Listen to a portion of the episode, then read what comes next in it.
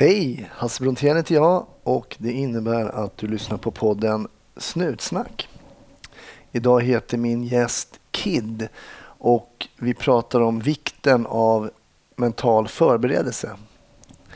Att kunna förbereda hjärnan på vad man kommer att möta. Hur viktigt är det egentligen? Ja, Kid drar ett exempel från sitt allra första pass som polis faktiskt.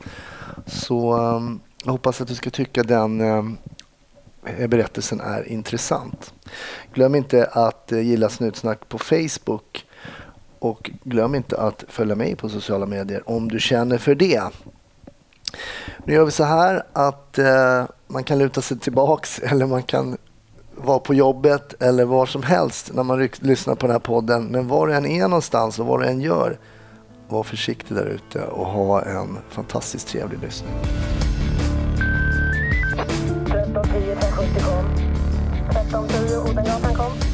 Ja, det är uppfattat. Vi tar det. Slut. Bra. Klart slut. Varmt välkommen till Snutsnack Kid. Tack så mycket. Nu, jag hittade dig, eller hittade och hittade, men jag såg ditt eh, Insta-konto där du heter City underscore polis va? Ja, men det stämmer. Och eh, vid något tillfälle så stod du tillsammans med Martin Melin. Inspektor Hassel och Virran. Ja, just det. De finns också på eh, Instagram. Mm. Och då tyckte jag att det här var ju synd. Här hade vi fyra poliser på samma bild, som varav tre hade varit gäster i Snutsnack. Ja. Och då skrev jag till dig och eh, frågade om du ville komma och vara gäst. Mm. Och det tackade du ja till. Ja, det gjorde jag. Trevligt. Kul ja. att ha dig här. En kort fråga om eh, just Instagram. Vad möter du där? Du lägger upp lite bilder från din eh, polisiära vardag och sådär. Vad möter du för reaktioner på, på Instagram? Eh, det är mestadels positiva faktiskt. Det är väl någon liten kommentar man har fått ibland om att vi är skithöga polisen. Så här, men ja. Det får man väl ta. Eh, jag skapade det här kontot när jag började på eh, områdespolisen Norrmalm. Eh, främst för att eh, andra poliser skulle få veta vad, eh, vad vi gjorde helt enkelt. Just det. Eh, och där lägger jag upp bilder från olika jobbsituationer som man möter i vardagen och sådär. Mm. Sen har det ju vuxit något enormt som jag inte trodde det skulle göra. Jag är jätteglad över alla som vill följa och titta ja. vad man gör och sådär. Vad är eh. viktigt för dig att tänka på som polis? Du är ändå myndighetsperson och sen när du lägger ut bilder tänker jag tänker att du kanske har ett lite annat tänk än en privatperson som har ett Instagramkonto. Att i vad du fotar och vad ja, du lägger upp och sådär. Och vad man skriver och sådär. Och vissa får man ju blurra så man inte känner igen ansikten och, och sådär. Men jag försöker ändå skriva utifrån, det här är ju inget myndighetskonto utan det är jag som Nej, precis. Men jag tänker, du måste väl ändå tänka ja. på att du inte avslöjar identitet på människor? Ja, men absolut. Eh, men jag kan ju vara lite mer frispråkig och skriva mina tankar och, och funderingar kring eh, olika händelser och så. Just det. Och jag tycker att det är ett... Eh, ja, men det har blivit ett ganska bra sätt att nå ut till folk. Mm. Folk är intresserade av vad polisen gör. Ja, och jag tycker att det, jag följer ju ett x antal eh, sådana här polis-instagram-konton. Jag tycker också att det är liksom det är som ett litet minisnutsnack i bild eh, ja. lite då och då och som faktiskt visar eran vardag. Så ni som har Instagram och vill följa Kid där så är det alltså city underscore polis. Det stämmer. Så eh, in och följ. Stort tack att du har tagit dig in till stora staden, men det är faktiskt här du jobbar också. Här är här jag jobbar jag. Jag ja. jobbar på Norrmalm. Just det. Ja, som områdespolis. Och Norrmalm som vi har nämnt tidigare på podden som ju inte ligger på Norrmalm. Nej, det ligger ju på Kungsholm.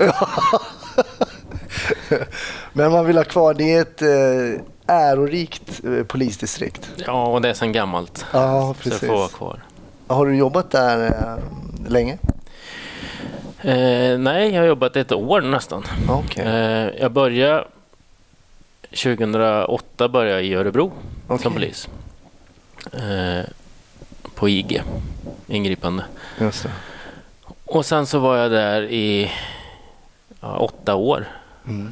Sen så sökte jag en tjänst i Stockholm. Mm. Eh, eller jag sökte två. Jag sö- jag sökte både Södermalm och Norrmalm. Okej. Eh, och det var Södermalm som ringde och sa att ja, men, det finns en plats till dig här. Vill du ha den? Eh, ja tack, så. Mm. Jag vill gärna tillbaka upp till, till Stockholm och jobba. Ja. Eh, så jag tackade ja till den. Var på IG där. Trivdes jättebra. Eh, men sen så öppnade sig den här möjligheten då, på områdespolisen. Just det, som då är på Norrmalm. Ja, precis. Men du berättade att du eh, eh, började då på Örebropolisen 08. Var det så att du kom direkt från skolan då eller? Ja, jag gjorde min aspirant i Örebro. Ja. Och så vart jag kvar där. Och då har jag varit både på en BF-grupp där nere och på, på ingripande. Brottsförebyggande alltså. Ja, precis. Vad skulle du säga är, vad skulle du säga var den största skillnaden som du kände när du kom från Örebro och har jobbat där då i åtta år och kommer till eh, centrala delen av Stockholm? Kunde du känna någon, någon skillnad i polisarbete då? Det är ju sam, det jag skulle vilja säga det är samma typ av eh, brottslighet som man jobbar på stort sett samma sätt. Mm. Men det är så pass mycket mer i Stockholm. Mm. Och högre omsättning på Ja, jobb. Det är det. Absolut. Ja. Men eh, grunden är ju, ja, men det är ju narkotikaproblem och det är gäng. Mm. Men hur kommer det sig? att- Du sa att du trivdes på Södermalm, men var det just det här eh, områdespolisen och man? Kände du att du hellre ville jobba där då? Eller hur? Ja, så, så var det ju faktiskt lite grann. Att Ja. jag, ofta när jag var på Söder och jobbade så eh, vi ska ju säga så här att det är väldigt strikt mellan Södermalm och Norrmalm. Ofta så åker man ju inte över om det inte är något. Över gränserna liksom. Ja, precis. Och det är också sedan gammalt tydligen. Nej, mellan oss var det nog mer eh, Norrmalm och Östermalm. För Östermalmspolisen hade ingen arrest nämligen. Nej. För de eh, hade sin station på Tulegatan i samma byggnad som kyrka. Så när de hade omhändertagit någon eller gripit någon så var de tvungna att åka till vår polisstation Norrmalm som då låg på Bryggargatan. Okej. Och då så fick de ibland lite tillmälen eh, om det var någon man kände eller hade träffat på. Så här, Åh, poliserna utan arrest. Okej. Så det fanns en liten schism däremellan. absolut, Ja. absolut. Så att, men ändå med lite, det såklart med glimten i ögat. Lite Absolut. Grann. Men så var det är det på Söder också Mm. och norr. För att sen är det någon som behöver hjälp eller då är man ju där på eh, en sekund. Ja, Liksom. då hjälps man ju åt. Mm, Utan det är ju med glimten i ögat som du säger. ja. Så. Men då, då, jag gillar att jobba i, i Klaraområdet. Mm, Eh, Så då var vi mycket där. Eh, De kollegorna som åkte med från Söder, de fick ju stå ute och så åkte vi över och så jobbade vi lite där och, ah, ja. och så åkte vi tillbaka. Så. Men sen så öppnade sig den här möjligheten och, att de sökte folk. Mm, Och då, och då sökte jag mm, och hade tur och fick den. just det. Och vad är din... Hur ser en dag ut för dig på områdespolisen? Hur kan det se ut? Ja, vi har ju... Just nu så har vi ju fokus på Klaraområdet runt Plattan och så. Mm, Och det jobbar ju brottsförebyggande med synlighet. mm, Eh, och jobbar mot narkotika också. det. För det är ju ett, det är ett stort problem. Mm.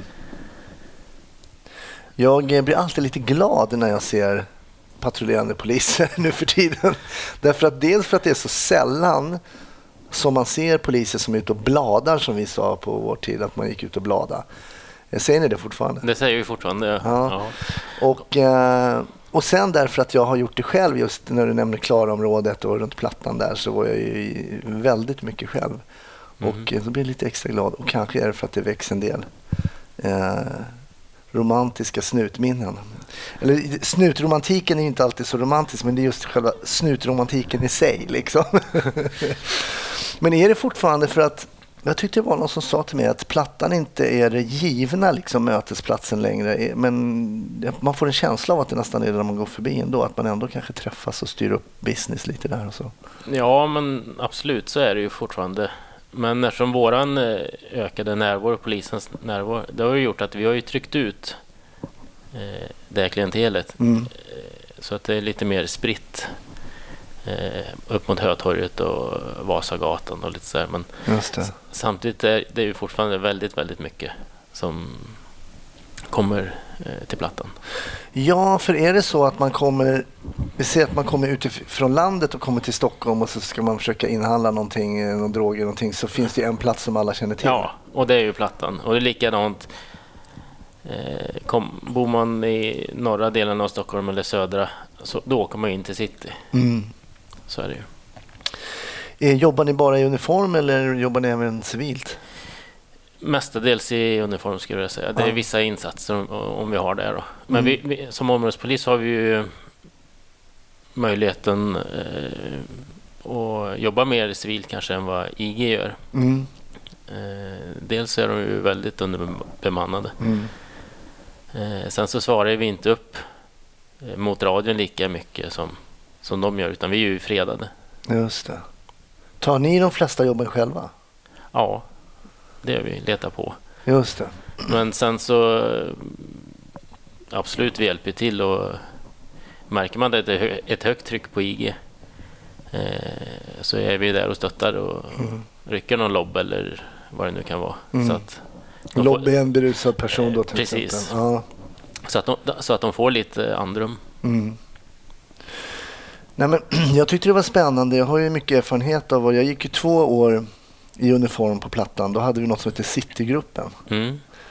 Eh, gick bara i uniform där. Och det som jag tyckte var väldigt intressant och som också skapade en annan dimension var att jag lärde känna många till namn och, och kände igen många dagligen som står där och som har det nästan som sitt vardagsrum. Alltså de är ju där titt som tätt hela tiden Ja. av olika anledningar. Hur är det för er? Känner ni igen de här killarna och tjejerna som är där nere? Och... Många eh, känner man igen, både till, till namn och, och så.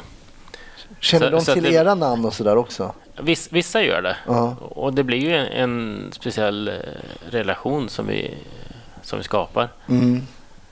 Eh, vilket, är, vilket är bra. Mm. Eh, för man, man måste känna till eh, eh, ja, Det underlättar om man känner till dem till, till namn och, och Mm. sådär. Speciellt om det, det blir någon ja, herrejösses-grej, någon slagsmål eller så. Då är, det, då är det lättare, då lyssnar de mer om man eh, pratar direkt till dem. Klassisk, är det inte på något sätt klassisk eh, mänsklig kommunikation? Att bara någon man har hälsat på eller pratat med eller har namn på får man oundvikligt liksom en, någon form av relation med. Alltså på gott och ont. Alltså. Ja, så är det. Och vi kan ju stå och snacka så här, men sen så... Eh, men de vet att vilken roll jag har Mm. och att går de över där då måste jag kunna säga till. Mm. Och Mm. oftast så, så funkar det Mm. faktiskt. För mitt minne att den här relationen eller den här liksom, för ni är ju i någon sån form av tjuv och polisbubbla där om vi förenklar det lite grann. Ja, så är det. Och ni umgås liksom på dagarna och ni kanske till och med hejar på varandra och sådär. Och den där, mitt minne att den där relationen är väldigt, väldigt speciell. Alltså, och det kan faktiskt, för mig, vissa delar så finns det alltså, jag vet inte hur jag ska uttrycka det här utan att det låter konstigt, men när man träffar folk sådär och hejar på dem, man kanske till och med griper dem någon, någon gång ibland, så är de tillbaks. Så blir det någon form av relation som kanske inte är en vänskapsrelation. Men det är någon ömsesidig liksom ändå respekt. Du vet varför jag är här i uniform. Jag vet varför du är där och gör det du gör. Som är svår att förklara. Kan du känna igen det här? Det känner jag igen jätteväl. Och som du säger, det, det, den är svår att förklara för en utomstående kanske. Men Mm. man har en ömsesidig respekt för varandra. Eh, Det vill jag säga. Och sen precis som du nämner också Kid att när folk går över någon gräns så går polisen, då trappar polisen upp också. Och det måste man göra så att man vet var man har varandra så att säga. Hur farlig skulle du säga att Plattan är idag för gemene man liksom, när man är ute och går på stan och, eller något sånt där? För många är ju så här som Åh, Plattan, jag går aldrig förbi Plattan, det är för farligt. Men är det det verkligen för kreti och pleti? Nej, dagtid skulle jag väl säga att det inte Nej. är så. Ehm, inte kanske direkt farlig för gemene man även på, senare på kvällen men det är ju ett sånt klientel som hänger där och risken att man hamnar emellan någonting, någon uppgörelse eller vad det nu må vara, Mm. eller någon slagsmål, eh, den är ju större. Mm. Precis. Därför det finns ju onekligen ganska mycket skumt folk där. Jag gick förbi där bara häromdagen och så kunde jag då så här mitt gamla polisöga, även om det har liksom eh, kanske tappat sin skarphet lite grann, så kunde jag liksom se lite olika grupperingar. Jag tänkte, ja ah, de där är heroinister och så var det några ungdomsgäng som stod där och hängde och lite så här. Så visst kan man ändå fortfarande se att man har lite grupperingar där nere och sådär. Så är det ju absolut. Men eh, som sagt, någon rädsla eh, över att bli påhoppad så tycker Nej. jag inte att det är Nej. för gemene man. Nej, Nej precis. Och det, det var väl min bild eh, då, men det är ju länge sedan nu som jag var där, så det kanske har blivit lite värre än när jag var där nere. Mycket, du säger att det är mycket narkotika fortfarande. så. Vad, vad ser man för preparat? Vad ser ni för preparat främst där nere på, på Plattan?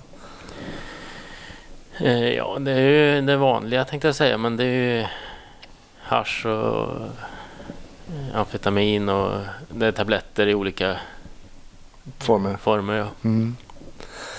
Och när du säger tabletter, är det bensodiazepiner? Eller, Ja. ja, det är sånt. Där. Fludder, kallar man det fortfarande för fludder?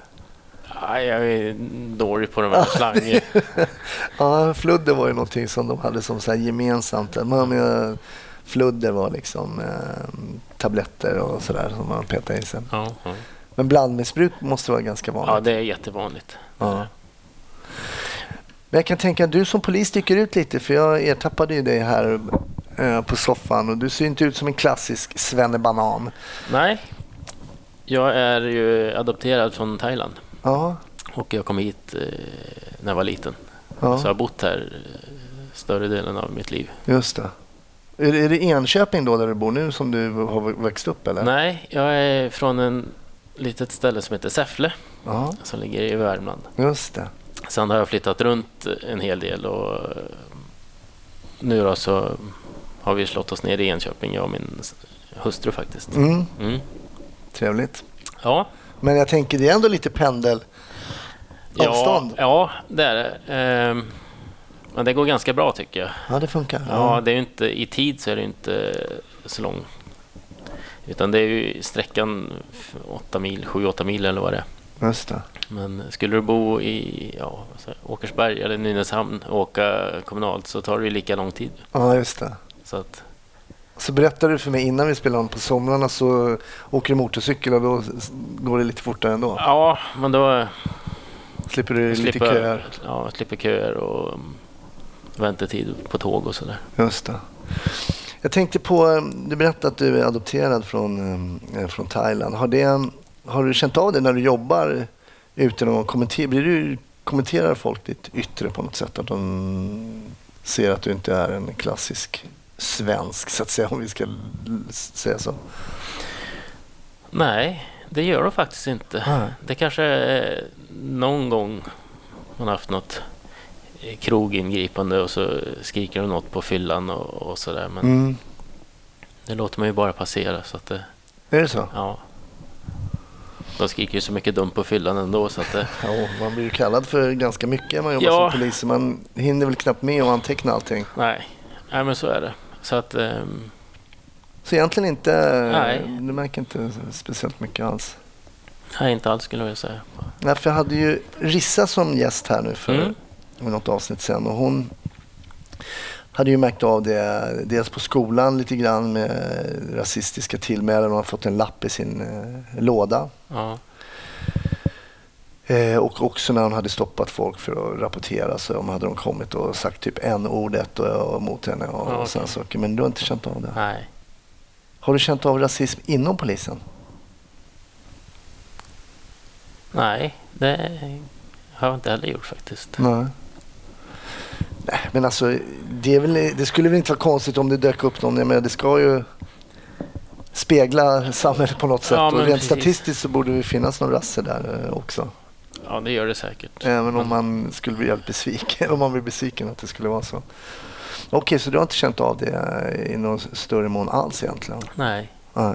det har varit förskonad. Men eh, jag tänkte när du växte upp och sådär då, då kände du av då att du liksom Ja, såg annorlunda ut? Ja, men det gjorde jag väl. Ehm, I Säffle som inte är så stor, eh, stor ställe så. ehm, och på eh, 80-talet Mm. eh, så kanske det var lite mer utbrett. Eh, Men vad ser så, du nu?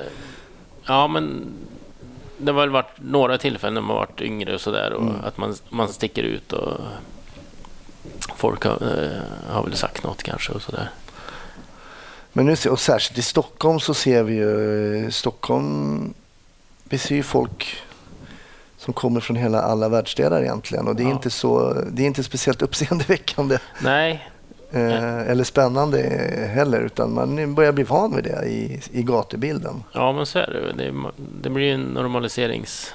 Och kanske också att se poliser som eh, inte heller bara är blonda och blåögda. Att det också tillhör den. Nej, det finns ju faktiskt några som är av utländsk. Ja, men precis.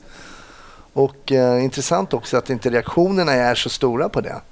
I alla fall inte vad som du berättar. Nej, nej.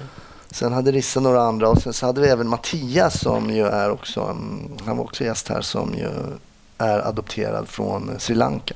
Mm. Men blir du kallad för rasist när du jobbar? Har det hänt?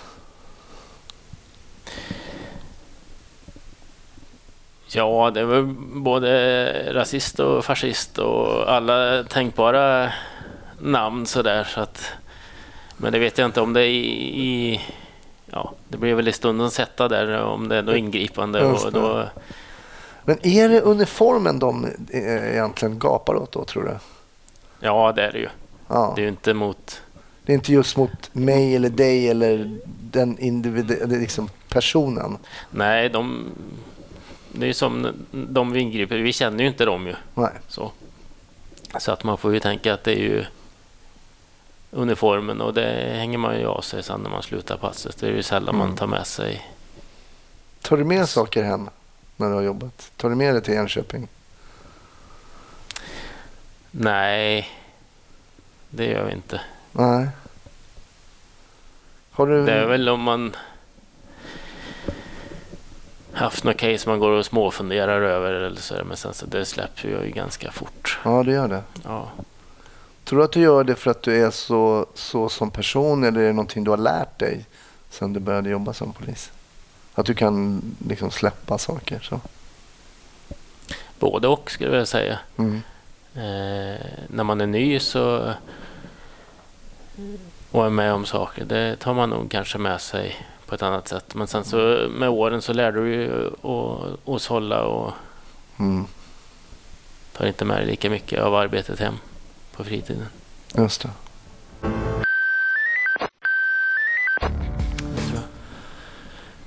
Den klassiska frågan, eh, eh, fasta punkten. En händelse som eh, du har varit med om som polis som har påverkat dig på ett eller annat sätt. Vad tänker du på då när du får den frågan? Jag har ju en sak som jag, och den har jag ju faktiskt tagit med mig, för den tänker jag på, den kommer upp ibland sådär, men som har satt sig. Eh, och det är när jag var alldeles ny polis. Mm. Eh, man har ju någon liten ceremoni, eller vi hade en ceremoni eh, när vi var eh, aspiranter. Mm. Sista dagen så äter man ju tårta med länspolismästaren och man får ju sina eh, guldkronor. Mm. Så. På klaffarna alltså där. Ja, ja, men precis. Guldkronor på klaffarna där. Mm. Och ehm, vi hade precis ätit och jag var ju hungrig och ville ut och jobba så jag hade bokat in mig på ett eh, nattpass 22.07. Ja, direkt efter Direkt tårtan efter. alltså. Ja, precis. Så att eh, jag lämnade lite tidigare så åkte jag. Eh, Går till stationen och byter om. Då visar det sig att eh, hela stationen är, är ute på... Det här är ju Örebro. Ja. Eh, de är ute på en, och letar efter en kille som eh, mår dåligt och eh, vill ta sitt liv. Mm. Så att alla är ute på den insatsen och även han som jag skulle åka med. Okej. Eh, vilket medförde att eh, jag sa att ja, men jag ansluter till dem. Jag tog en radiobil så åker jag ut till det här stället utanför Örebro. Det är väl fyra, fem mil bort. Okej. Så jag åker dit. Eh, jag möter upp insatsledaren och min kollega som eh, hjälper honom då. Mhm. Så han var ju upptagen. Så att eh, jag åker själv lite grann och letar efter för alla andra är ju uppdelade i patruller. Har ni, ni har fått en geografisk Vi har plats? fått en geografisk plats och vi har fått olika sådana här tårtbitar som vi ska söka av. Just det. Eh, Så jag får, jag får en sån här tårtbit tilldelad. Mm. Så jag åker och, och spanar av där. Eh, Det är en ganska stor insats för han varit borta länge och hemvärnet är där. Vad var det för ålder på den här personen du ihåg det? Jag tror, nej, jag tror att han var lite äldre. Så var en vuxen person? Ja. ungefär. Det vill jag minnas. Mm. 50 kanske. Mm. Eh, vi åker runt och letar, hittar inget. Och sen så säger de att de har hittat hans bil. Militären har hittat hans bil på en plats eh, eh, ute i skogen, Ja. på en skogsväg. Eh, så då får jag uppgift att åka dit och kolla så att det verkligen är rätt bil. Och jag är fortfarande ensam i bilen. Mm. Men jag får med mig två kollegor från eh, trafikenheten som också är med och letar. Okej. Så de kommer och eh, ansluter på den här platsen. Eh, ja, den här bilen står inne, inkörd på en eh, skogsväg i en sån här... Ja, där timmerbilarna lastar av och på Mm. timmer. Mm. Och det är mörkt och det regnar ute naturligtvis. Såklart. Ja. Eh, och som man lär sig så tar vi ut avstånd, jag och kollegorna. Det är två äldre kollegor som sagt var från trafiken. Så vi närmar oss bilen från varsitt håll. Och eh, då ser vi att då har han ju eh, han har avslutat sitt liv där i bilen. Okej. Han har skjutit sig med ett jaktgevär. Okej. Eh, Så att eh, större delen av huvudet är ju bortskjutet och kulan har gått upp genom taket. Och sen i, i den vevan när vi hittar den här då, personen, då kommer min kollega som jag skulle ha åkt med då. Ja. Och då eh, fortsätter vi, de andra lämnar, så då fortsätter han och jag. Eh, Det ska ju dokumenteras, vapnet ska säkras och sådär. Mm. Då vet jag att eh, han frågar mig om jag känner att det är okej. Ja visst, det är okej. Eh, För då var du helt... då, var, då var jag helt ny. Ja, du kom från tårtan ju. Ja, Jag kom från tårtan. Jag hade Första passet alltså? ja, mental förberedelse var ju inte hade jag inte alls. Utan jag var ju Ja. fortfarande på glädjemolnen och sen så dyker jag in i det här. Just det. Och nu i efterhand så kanske har jag reflekterat lite över det. Och, och det är ju den här mentala förberedelsen som jag inte eh, hade. Just det. Som gjort att det kanske satt lite djupare spår än vad det skulle ha gjort annars om jag hade haft det.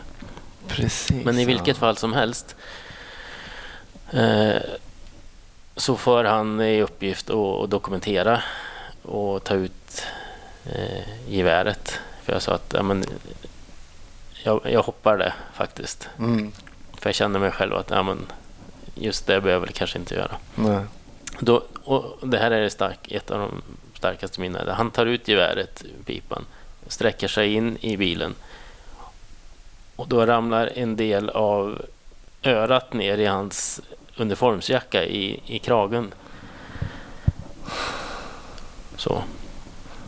Så just den, eh, den synen. Ja, Du och- ser det precis att- Jag ser när, han, när det ramlar ner och jag ser hans reaktion efteråt. Hur reagerade han? nej, han hoppar ju till. Han, Ja, det, är, det är en helt absurd eh, händelse egentligen. ja, Om, man, om du pratar om eh, mental förberedelse och sådär. Hur förbereder man sig mentalt för eh, ett öra i uniformen till exempel? Eller att se det. Det, det, är, ju, det är ju en väldigt absurd eh, händelse. ja, just örat sådär i, i uniform, det går väl kanske inte riktigt att ha någon mental förberedelse för. Men däremot så när man åker fram på sådana här jobb Mm, så tänker man ju till lite grann extra vad man kan mötas av. mm, Ehm. Och sen så är det väl så att i, när man, i alla fall när jag kommer fram så blir det väl att man som människa man stänger av lite. mm. Dels för att man är ju satt att göra sina arbetsuppgifter. Men sen är det så pass mycket att ta in så att det blir liksom inte det blir liksom inte en, en verklig ja, det blir någon form av försvarsmekanism där. Att det, Just det. Men jag tänker när du åkte ut från, du hade du käkat tårta och du hade fått din eh, klaff med guldkronan där. mm, Sätter du iväg mot stationen, du är liksom yes, nu är jag på väg. nu är jag taggad. Nu är jag taggad, allt kan hända. Sen åker du ut på den här försvunna personen. Eh, hade du någon tanke på att jag kanske hittar den här människan? Eller blev det, kom bara det att du hittade personen och bilen också som en överraskning? Ja, det gjorde väl att jag eh, att jag skulle vara bland de första Mm. eh, på den. Det var väl, det kom nog också som en för det som en överraskning, för det hade jag nog inte tänkt på. Utan man tänker väl, ja men det är väl alltid någon annan kollega som hittar som vi var så pass många. Precis ja. Eh, nej, så tanken på det fanns ju inte heller. Nej. Jag tänker mig, vi som hör den här historien nu kanske på något sätt visualiserar den här situationen i våra egna huvuden. Är det här en bild som kan blixtra upp i dina tankar någon gång? eh, Just den här bilden som du har sett? Ja, men det, det gör den ju. Mm. Är det en hanterbar liksom, bild? Som du, ja just det, det var den. Kan du lägga undan den? Eller hur? Ja, men det, det kan jag lägga undan ganska Mm. fort. Även om Även om händelsen finns kvar i, i, i minnet. Men det är nog för att dels så var det ju min, mitt första jobb så efter Ja, det eh, aspiranten. Mm. Och sen så var det min första eh, döda person. Jaha, det hade ni inte sett någon på skolan och så? Jo, men Ja. det, det blir inte på samma... Nej, det blir inte riktigt samma. samma sätt. Man drar ut en låda och så. Nej. Ja. Eh, ja. Blev du ehm, på något sätt så att säga härdad av den här situationen? Härdade den dig inför någonting annat eller trubbade den av dig? Hur, hur, vad gjorde den här situationen mot dig inför kommande möten med till exempel döda människor? Påverkade det den dig? Den här första händelsen? Blev du till exempel nervös att du skulle åka på en liknande? eller? Nej, det blev jag inte. Utan jag hade väl mer i så fall, när man tänker på den mentala förberedelsen, att så här kan det se ut. Mm. Och allt det man åker på som inte var lika... Eh, vad ska jag säga? Allvarligt eller uppseendeväckande? Ja, uppseendeväckande. Ja. Blir ju som en bonus då ju. Även om det är en, en avliden person. Just det.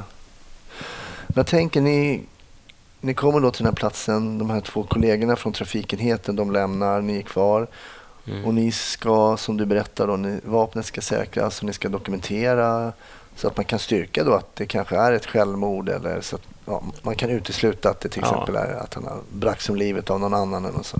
Men vad gör ni mer där då? Han tar ut vapnet, säkrar det. Vad, vad händer sen på den här platsen då, rent polisiärt för er del? Vad är det som ska göras där? Ja, det ska ju fotodokumenteras och det ska ju eh, skrivas upp och så Man- man kan avrapportera till anmälan och sånt där. Då. Man noterar helt enkelt allting, hur det ser ut på Ja. platsen och i, eh, i avrapporteringen så skriver man ner allt det eller? Ja, det Ja. Och sen så hämtas kroppen och sen tar man undan bilen och sen så ja, är ärendet liksom... avslutat. Sen Avslutat, så in, så.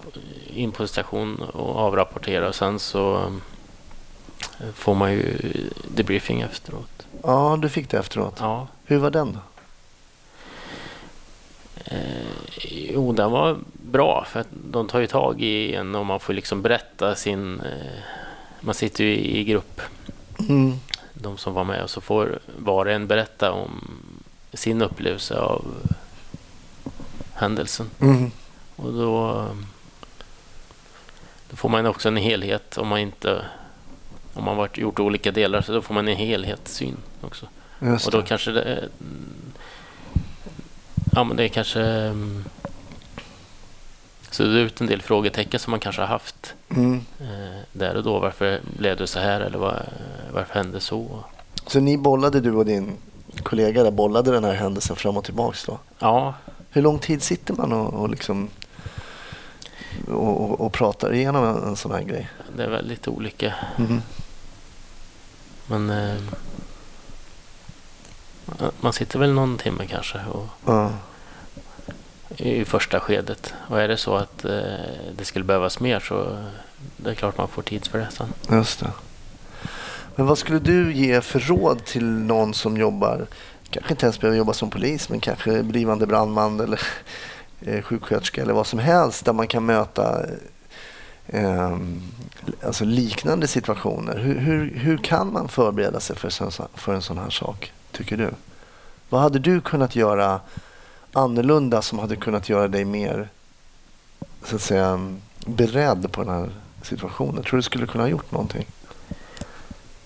Ja, men det är ju att man tänker igenom händelsen innan man är, eller när man är på väg fram. Mm. Att eh, ja, men, du har en person som är försvunnen, han har uttryckt livsleda.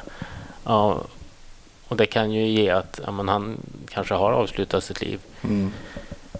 Eh, Visste man någonting kring vapen, om man hade, ägde vapen? Eller visste Ja, du någonting om det? Eller? ja, men det tror jag att vi fick ut, att han Mm. hade tillgång till vapen. Just det. Men jag tänker även om man tänker sig att någon har tagit livet av sig eh, med ett vapen så är det väl ändå svårt att föreställa sig hur det kan Ja, men, ja, men ut, absolut. liksom. det, för det är väl väldigt speciellt antar jag. Men därför så är det väl också ibland bra att åka två och ha en liten bit framkörning. För jag, min bild är att man hinner bolla en del galna saker på vägen fram och redan där kanske medvetet eller omedvetet förbereder sig mentalt på vad som komma skall. Ja, visst är det så. Och här var det, hade vi så pass lång framkörningstid så att man hinner ju... Man skulle ha kunnat diskutera i, i bilen och sådär. Och, det, och det, det vill jag säga att det görs ju oftast när, när man åker fram på jobb. Mm. Är man två eller fler så diskuterar man igenom vad det nu kan vara. Mm. Och att man, har, att man tar också givna roller kanske i Just Så det. man vet att, vad man ska göra när man kommer fram. Det. Men det gjorde ni inte just i det här fallet? Nej, för då var jag ju ensam som sagt. Nej, just det. Precis tills de, det är såklart. Ja. För de här trafikpoliserna kom lite... Du, du var först på plats där, ja. Ja, jag, vänt, jag väntade in dem, Mm. gjorde vi. Och så sa vi bara att ja, vi går runt ifall han skulle ha haft något. Kan du visualisera den här situationen, hur bilen stod och... Ja, det kan jag göra. Ja. Ja, det är intressant hur vissa saker verkligen eh, finns kvar i ens minnesbank. Mm. Och jag menar, du har säkert varit med om, eh, eftersom du har jobbat så pass många år ändå, varit med om många saker som ligger i dvala just nu. Som inte du kan hämta hem ur, ur minnesbanken. Men om du går förbi någon byggnad här någonstans så kanske det kommer upp någon minnesgrej. Alltså, ja, lite så är det ju. För Kanske. så brukar det vara för mig. Jag kan gå förbi adresser här i Stockholm ibland. Och sen kan jag gå förbi en port och sen så kommer jag på ett ärende som jag hade för, ja det är ju 15-16 år sedan eller någonting. Och så tänkte jag, ah, just ja, just jäklar. Mhm. Det här hände det ja. Jag var på ett dödsfall, ett dödsfall. Jag var faktiskt uppe på, um, på polishuset och pratade med Jan som var ett tidigare avsnitt här som jobbar på nationella IT-brottscentrum. Mm. Då gick jag förbi en port eh, på Pontonjärgatan. Och det var en av mina första dödsfall som jag var på. Och då hade den här mannen legat en tid så det blir sådana eh, vattenblåsor Mm. på kroppen som bildas under en viss tid. Sen försvinner de också. Men... Och då så kom politi, det är ju de som, ehm, som hämtar de döda kropparna. Och då sa han så här, vi måste ha en kniv och en handduk. Okej. Jaha. Varför då? Jo, därför att vi vill spräcka de här blåsorna för att blåsan är ju hård på ytan och sen är Mm. det likvätska inne och man då lyfter den här kroppen så när de spräcker så splatchar det här upp liksom och då får man det på sig. Så det bästa är att vi Punktera innan. punterar de här blåsorna med kniven innan med en liten handduk. Så jag fick smita, då satt ju anhöriga i köket. Så jag fick smita in i köket och hämta en kniv. Vilket var väldigt udda. Mm. Mm. Och sen hämta en liten handduk i badrummet och så fick de liksom knäppa de här med kniven innan de la ner den här döda mannen i den här ja, svarta påsen. Eller det är inte en påse, men en väska kanske. Men ehm, också så udda grejer som jag går förbi och bara kommer på efter så himla många år. Mm. Vissa saker sätter sig ju som sagt i och dyker upp. Och det är ju återkommande lite i, i podden här är ju just döden. Att det, Mm. Nu var ju det här en väldigt eh, våldsamt fall av död som du eh, träffade på. Mm. Ja, men som polis så är det ju, det tillhör ju vår vardag ju. Mm. Vi åker på dödsfall Mm. ganska ofta. Mm. Hur, hur hanterar du att eh, träffa på döda människor? Hur, hur reagerar du på det nu idag efter så pass många år som du har jobbat? Jag skulle vilja säga att ehm, det påverkar mig nog kanske inte så, så mycket. Nej. Det låter väldigt hårt och cyniskt men så är det. Mm. Eh, man går in, man gör det man ska göra. Däremot så i början så eh, fick man ju åka på dödsfall som kanske hade legat länge. Då blir, det blir en speciell lukt. Mm, det blir det. Mm. Väldigt speciell. Och då skulle man väl kanske vara eh, lite macho inför kollegorna eller, så det, eller de flesta. Att eh, ja, man, man går in och så biter man ju liksom ihop. Mm.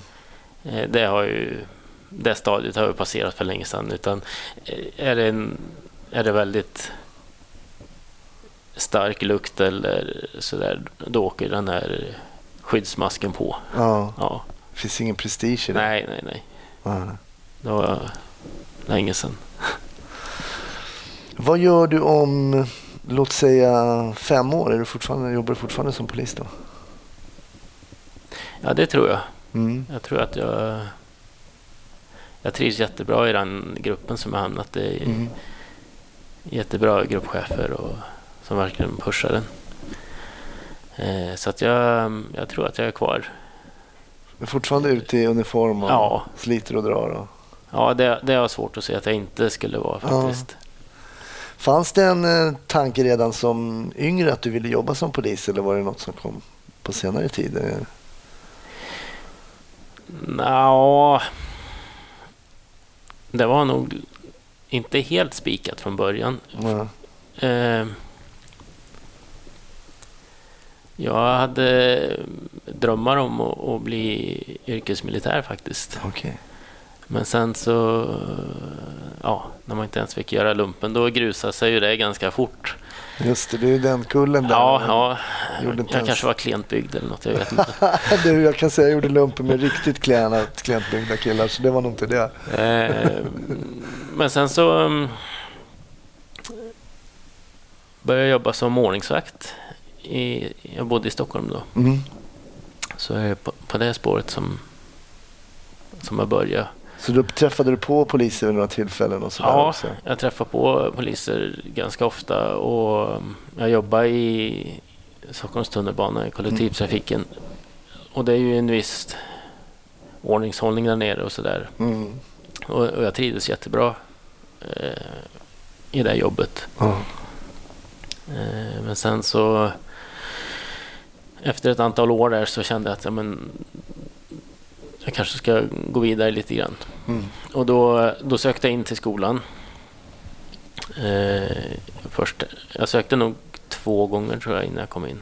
Jag hade väldigt dålig syn så jag opererade ögonen Jaha, okej. ja. eh, och då kom jag in andra gången när jag gjort det. Så att eh, Skoltiden då, hur var den? den var bra. Jag gick i Sörentorp. Just det. Ja, i 06 B4 heter klassen som jag gick i.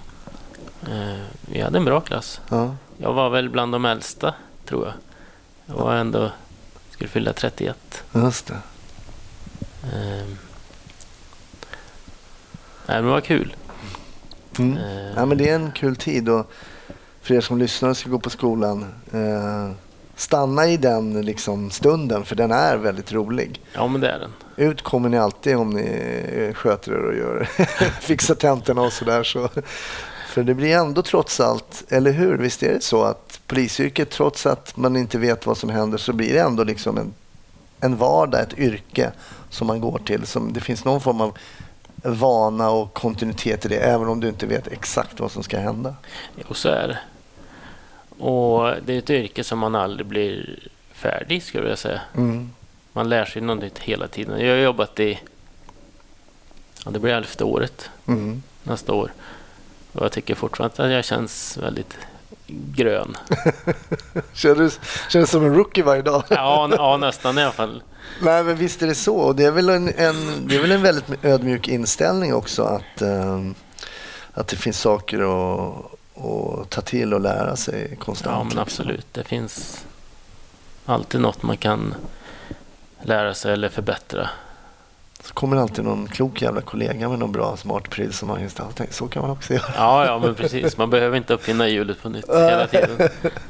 Nej, precis. Ja, men okej, då är du kvar i alla fall om fem år. Då kanske man ser det här någon gång när man knattar ner mot Klarområdet. Ja, det är inte helt omöjligt.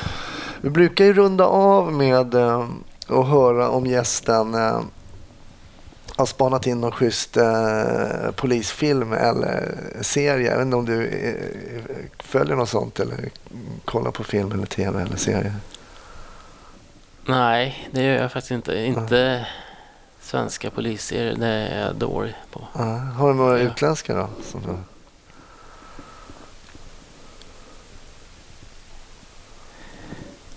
Nej, inte, nej. Nej, Jag är extremt dålig på att, att titta på, på film. på film eller Ja. tv och sådär. Men är det, är det så att jag gör det, då vill jag nog...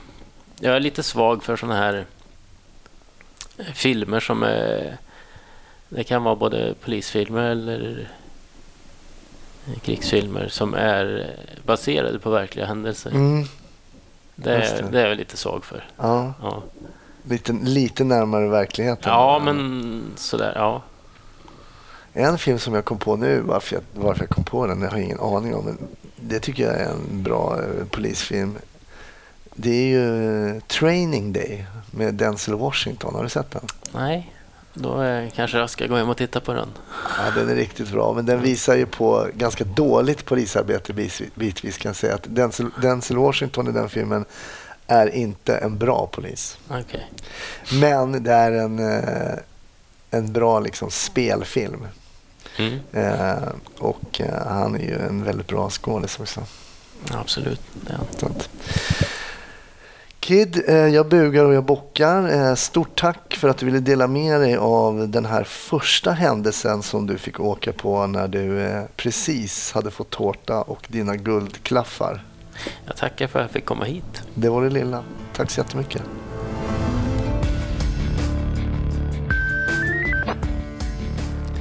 Tackar. Det var avsnittet med Kid och ännu ett avsnitt av Snutsnack. Stort tack för att du har lyssnat. Snutsnack är givetvis tillbaka, tillbaka nästa vecka. Ha en trevlig sådan så hörs vi då. Hej så länge.